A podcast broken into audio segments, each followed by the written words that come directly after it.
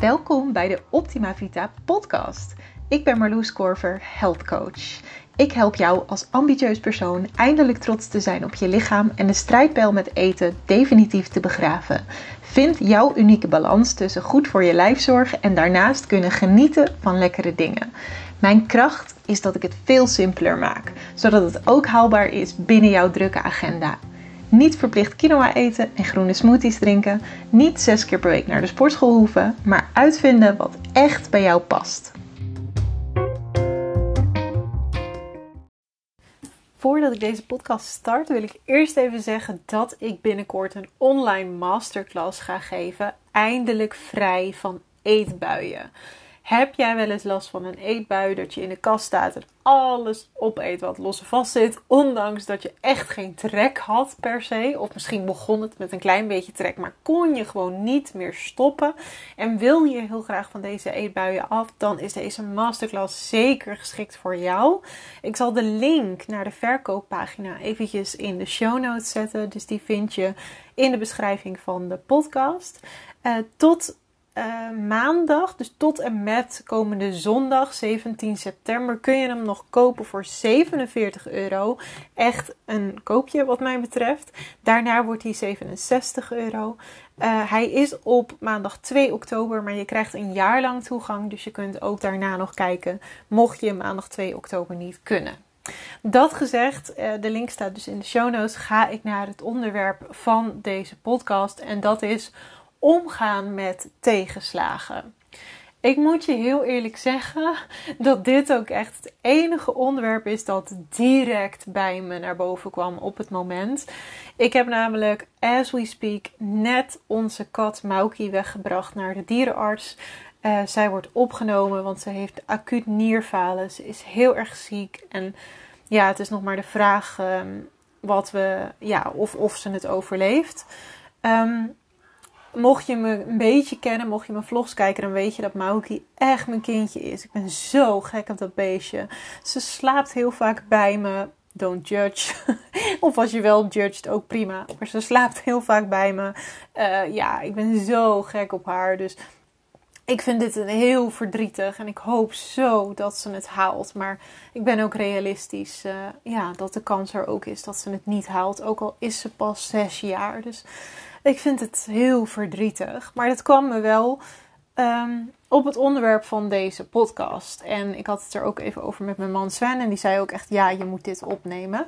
Ik ga het dus hebben over hoe, hoe ga je om met tegenslagen. En ik denk dat dit een van de dingen is die bepaalt of jij gelukkig in het leven bent of niet. Of dat jij jezelf ervaart als een succesvol, gelukkig persoon. En dat is misschien een hele heftige stelling, om hier zo te zeggen, maar ik geloof hier heilig in. Want ik merk dat mensen die om kunnen gaan met tegenslagen, dat die zoveel positiever in het leven staan dan mensen die dat niet doen. Na dit verhaal ben je het misschien met me eens, misschien ook niet. Dat is helemaal prima. Um, maar ik wil je daarom in meenemen van hoe ga ik om met tegenslagen. Want ik denk dat ik dit over het algemeen best wel goed kan. En natuurlijk heb ik hier ook nog werk in te doen. Maar ik denk wel dat dit een sterk punt van mij is. Dat ik best wel veerkrachtig ben. En um, ja, best wel goed kan omgaan met tegenslagen, zowel groot als klein. Ik wil daarbij wel een disclaimer zetten dat ik ga een aantal van mijn persoonlijke tegenslagen noemen, maar het kan natuurlijk altijd erger. Um, ik wil dan ook niet zeggen dat ik een heel verschrikkelijk leven heb gehad of zo. Helemaal niet. Uh, het is ook niet de bedoeling dat we gaan meten van joh, wie heeft de grootste tegenslag gehad. Daar gaat het helemaal niet om. Ik wil gewoon alleen mijn persoonlijke kijk op dit onderwerp met je geven, omdat je er misschien iets uit kan halen. Um, ja, dat zeg ik, het kan altijd erger. Ik heb ooit, maar ik heb zo'n bewondering voor mensen die ondanks een hele heftige gebeurtenis gewoon ja, toch positief in het leven kunnen blijven staan. En natuurlijk helemaal geen um, oordeel als je dat niet kunt, want dat begrijp ik ook onwijs goed. Maar ik denk dat het je heel veel geluk kan brengen. Ik heb bijvoorbeeld één keer iemand ontmoet en die ontmoeting zal ik echt nooit vergeten. Die verlamd is, die echt nou, vanaf zeg maar zijn um, hoofd verlamd is. Dus hij kon alleen maar zijn hoofd bewegen. Diegene stond zo positief in het leven. hij gaf een lezing en ja, dit is echt. It blew my mind. Van oh, wat prachtig is dit als je hier zo mee om kan gaan en dit zo positief kan omzetten. Zo heb ik ook een keer iemand ontmoet die een kindje is verloren. En ook die, ondanks alles, ondanks het verdriet, tuurlijk was het verdriet er ook. Maar ondanks dat stonden ze zo positief in het leven. En ja, ik, vind, ik denk gewoon echt dat dat heel erg kan bijdragen aan je geluk. Uh, want natuurlijk ben je geneigd om in de slachtofferrol te stappen. Om te denken: oh, waarom overkomt mij dit nu weer? Het leven is oneerlijk. Ik heb ook altijd pech. Uh, dat is heel verleidelijk. En ik denk ook helemaal niet dat er iets mis is om daar heel even in te zitten.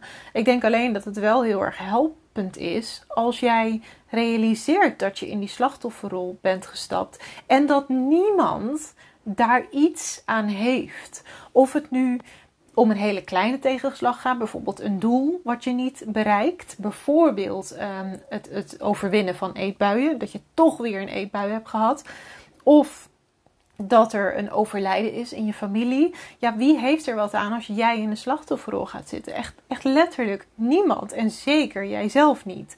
Dus niemand heeft er iets aan als jij heel lang down en verdrietig bent. Ik snap het wel, maar wat brengt het je? En dat probeer ik altijd in gedachten te houden van oh, ik zit nu in de slachtofferrol. Ik ehm, ja, vraag me nu af van oh nee, waarom overkomt mij dit en ik heb hier niks aan. Dus ik ga mijn weg naar ehm, acceptatie en verder gaan inzetten. En hoe ik dat doe, dat wil ik vandaag onder andere met je bespreken. Het verschilt natuurlijk een beetje um, wat, hoe groot de tegenslag is. Als het gaat om uh, een doel behalen wat, ik even, wat even niet lukt. Bijvoorbeeld inderdaad uh, twee keer per dag uh, of fruit eten, ik zeg maar wat. En dat lukt even niet. Ja, dat is een minder grote tegenslag dan bijvoorbeeld een overlijden in de familie. Maar het verschilt dus een beetje. Maar de essentie is denk ik gelijk tegenslagen die ik bijvoorbeeld um, bedoel in, in, in deze context zijn privé tegenslagen. Zoals bijvoorbeeld onze kat die dus nu heel erg ziek is. Of andere ziekten in de familie hebben we echt nou, in de afgelopen jaren meer meegemaakt dan ons lief is. Uh, natuurlijk hebben we overlijdens gehad in onze families. Uh, ik heb een relatie gehad van 9,5 jaar die uit is gegaan. Um, daar heb ik destijds echt jaren terug wel eens een keer een video over gemaakt. Um, en ja, dat vond ik toen natuurlijk een hele grote tegenslag. Achteraf is het een gigantisch leermoment geweest. Maar goed, dat zie je altijd achteraf pas. Maar ik heb het ook over tegenslagen in werk. Uh, en dat kan als ondernemer zijn, als je een bedrijf hebt. Bijvoorbeeld mijn opstart van mijn bedrijf was best wel moeizaam. Uh, in het begin had ik best wel veel nieuwe klanten, maar op een gegeven moment stagneerde dat een beetje. En ik heb echt wel jaren gehad dat ik dacht, hmm, ik weet het niet. Maar ik ben altijd positief geweest en ik heb dat ook altijd zo uitgedragen naar de buitenwereld. Dus ik denk dat de buitenwereld nooit door heeft gehad dat ik jaren terug ja, best wel het spannend vond in mijn bedrijf. Uh, ook heb ik natuurlijk financiële tegenslagen gehad, zoals iedere ondernemer denk ik wel kent. Um, maar dit kan natuurlijk ook als je in loondienst bent. Hè? Dan heb je ook gewoon werk tegenslagen. Maar het kan dus ook zijn in het behalen van doelen. Uh, op het gebied van sporten, op het gebied van voeding, op het gebied van zelfontwikkeling, op het gebied van kinderen opvoeden. Nou ja, ga zo maar door. Of het kan natuurlijk tegenslagen zijn op school. Heb ik ook gehad. Uh, tentamens die ik niet gehaald had. Uh, ik heb een stage gehad. En mijn eindstage werd vroegtijdig gestopt. Terwijl ik echt, ik was altijd iemand die alles heel graag op tijd wilde hebben. En ik heb nooit um, achtergelopen op school. Ik heb nooit een, een jaar over hoeven doen. Altijd goede cijfers gehaald. En mijn eindstage van mijn laatste HBO-opleiding, die werd vroegtijdig gestopt. En daardoor had ik dus studievertraging. Nou, ik vond dat zo dramatisch. Uiteindelijk was het het beste wat me is kunnen overkomen. Want mijn laatste stage was de meest leerzame stage die ik ooit heb kunnen wensen. Ja, dus uiteindelijk was het echt een cadeautje. Maar toen voelde het als een gigantische tegenslag. Nou, ik zei dus al, je kan de neiging hebben om in die slachtofferrol te gaan zitten.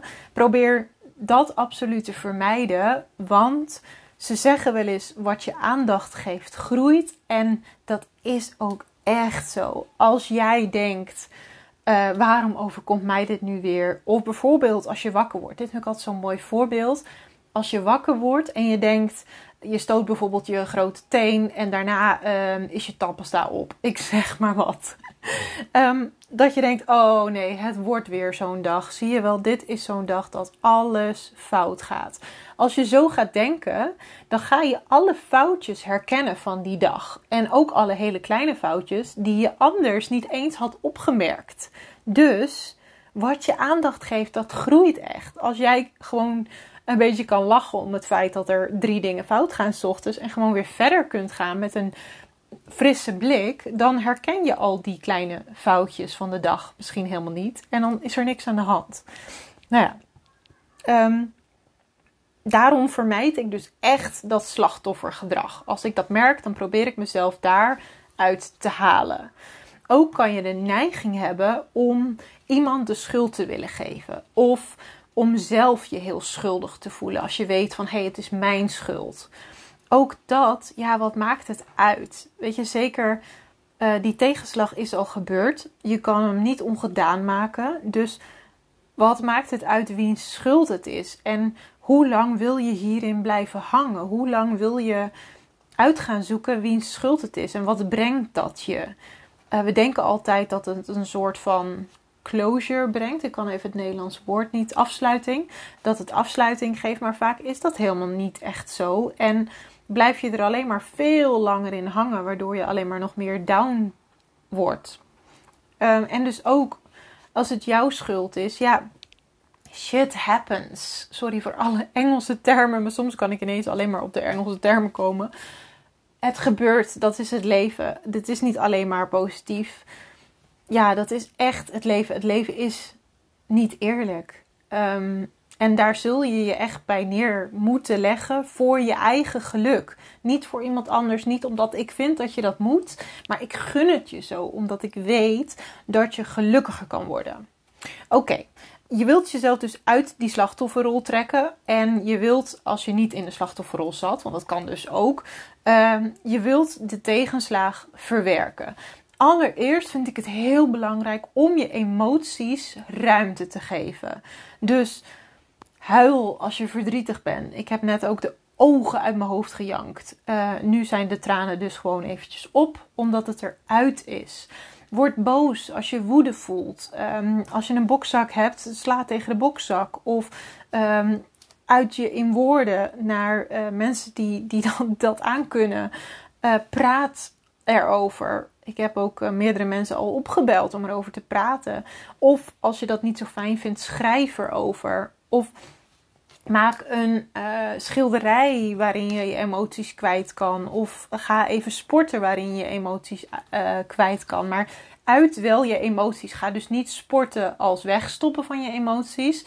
Maar ik vind bijvoorbeeld heerlijk om te gaan boksen. En dan tijdens het boksen letterlijk te huilen. Of ik heb ook een keer toen Olivia um, een koortstuip had gehad. Dus, nou, ik ga er hier niet verder heel erg op in, want dat doet er niet toe. Maar in ieder geval was het echt angstaanjagend om te zien. En we dachten echt van, nou, we wisten niet wat er met haar gebeurde. En we dachten dat ze misschien wel iets heel ergs had.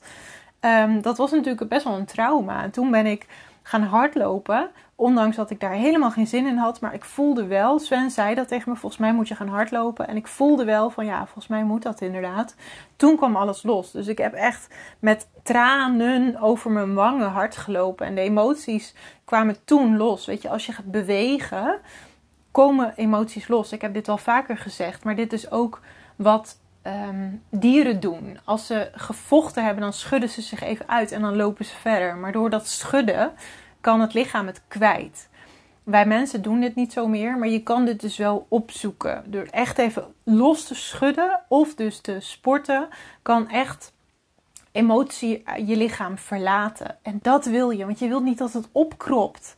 Want dan um, blijft het in je zitten, kan het uh, schadelijke effecten geven op je lichaam. En dat wil je absoluut voorkomen.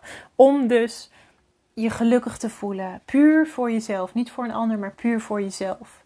Daarna, je wilt dus je emoties uiten. Je wilt praten of schrijven of wat dan ook maar bij je past. Daarna kijk eens, wat heb jij nodig? En zorg daarvoor. Zorg voor jezelf. Heb je goede voeding nodig? Heb je slaap nodig? Heb je hulp van anderen nodig? Heb je tijd voor jezelf nodig? Ehm, geef het aan aan anderen wat jij nodig hebt. Maar denk wel echt van ja, wat heb ik echt nodig? Want om heel eerlijk te zijn, mijn neiging was net om te zeggen: Oh, ik ga vandaag niet werken. Ik ga lekker op bed liggen en ik ga gewoon huilen. En toen dacht ik: Ja, nee, dan blijf ik er te lang in hangen. Weet je, ik had al gehuild. Ehm, ik kan verder niks doen. Eh, we moeten afwachten hoe het nu met onze kat gaat. En het, het, beste voor mij is eigenlijk om nu gewoon te gaan werken. Wat ik nu aan het doen ben. Uh, podcast op te nemen. En er dus wel ook over te praten tegelijkertijd. En dat is dan voor, het voordeel weer van mijn werk. Maar ik bedacht dus eventjes van ja, wat ik nu echt nodig heb is, is gewoon even afleiding zoeken. Echt wat anders gaan doen. Er niet te lang in hangen. Uh, ik probeer door te gaan zonder mijn emoties te negeren. Weet je, als ik nu wel emoties had gevoeld en had moeten huilen, dan had ik gehuild.